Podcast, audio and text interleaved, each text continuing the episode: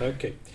So, uh, Jamie, will, will online dating and app dating or computer assisted dating win over dating that we had known for years? What I'm asking is what are the most obvious pros for someone to find a date online or with an app?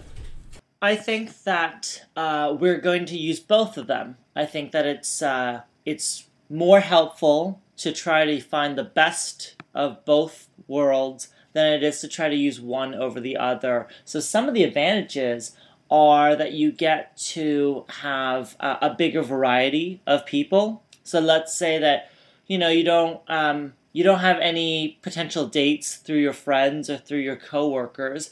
Um, then online you can meet all these people who you wouldn't have met otherwise. Um, it also takes less effort to contact all of them, and uh, and I'm not sure you know how how the dating rituals work in Slovenia, but it can be a little bit intimidating and a little bit scary to go up to someone and ask them for a date. Um, and obviously, I don't think anyone likes rejection. So online, it can be easier to contact people, and if they don't respond, it's not as hard as having someone reject you to your face. I understand. And would you agree that online dating is just a lot of math and algorithms? If you know how to use that, you can avoid potentially crappy dates or or, or, or no's and uh, and relationships that are without prospects. I think the most important thing is to not go in with too much expectations. So, a lot of people build up this idea of who they think this other person's going to be, and that can be really dangerous. You really have to go in there and just accept the person for who they are, take it on face value, just see who they, you know, how it works in the moment, um, but not to get too in your head about um, about the prospects. Mm-hmm. And with the with the rise of, of smartphones with GPS, it has become ever more easy to connect. And to connect, I mean to find a partner, uh, either a sex partner or a serious partner. And there are some very good examples for of uh, dating apps. Grindr is not the only one. Is it the best? You have chosen to write about Grindr, Meet Grindr. So why Grindr? Well, Grindr was really important because when it came out four years ago, it was really one of the first services to use GPS to help people find one another. So, in terms of a historical sense, it's pretty important.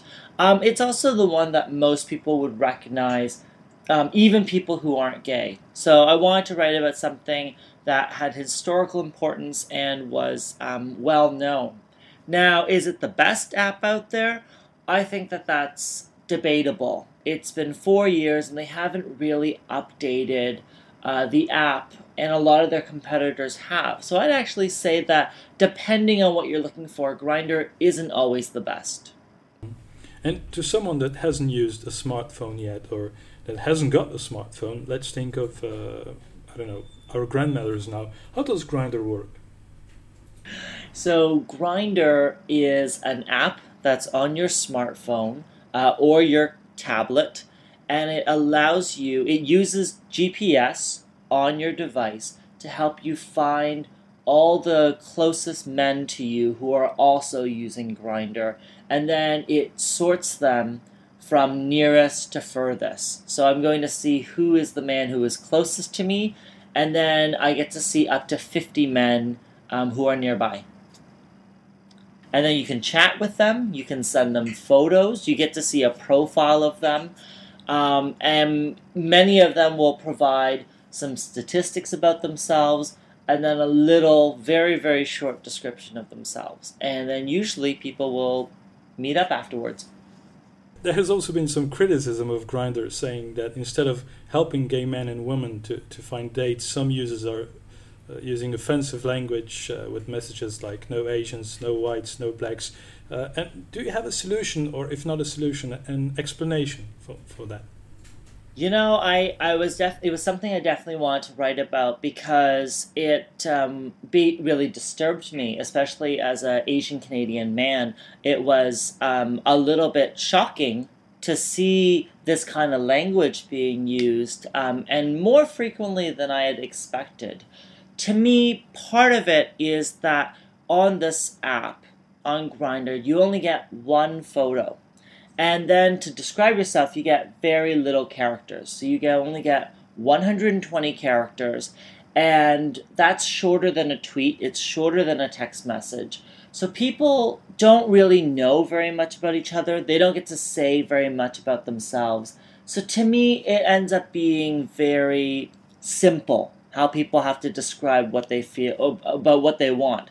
All they can do is judge it on that one photo, and so a lot of the conversation turns quite visual. I want someone who is this height, or I want someone who looks like they're this age, or I want someone who is this race, or I want someone who has this body type. And I think that um, it's not unique to Grindr. You certainly see it on other apps, and you also see it in gay culture in general. But because Grindr lets you share so little information with other people, it tends to make it worse.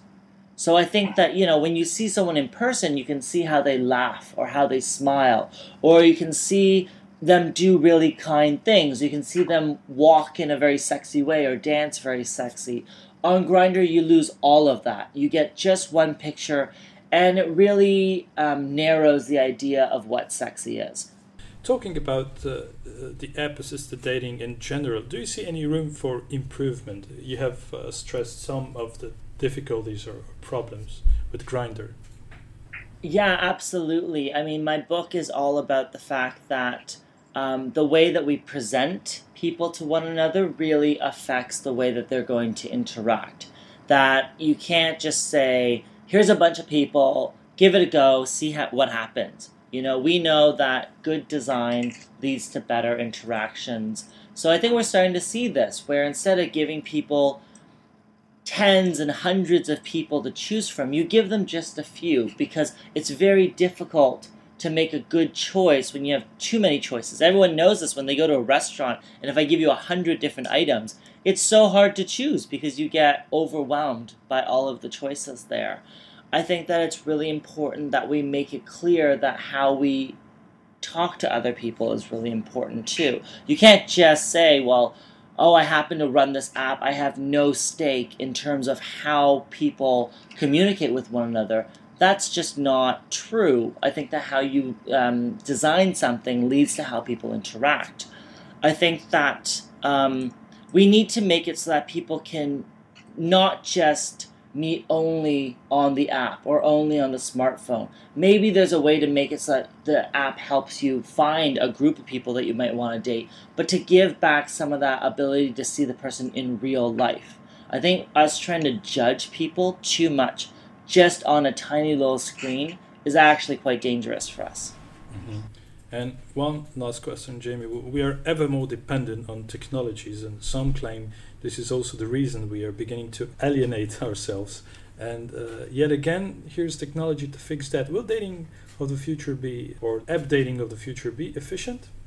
I think so because if you look at it already, how people date now has changed so much because of technology and not even because of an app or anything. But you know, when you used to go on dates, you would have to try to find out how many siblings the person had or what their favorite movie was or what their favorite food is. But now you can find them on Twitter, you can find them on Facebook, you can find them in all these different places where they're already sharing all of their life for people. They're already giving all these details that you would have found on a date.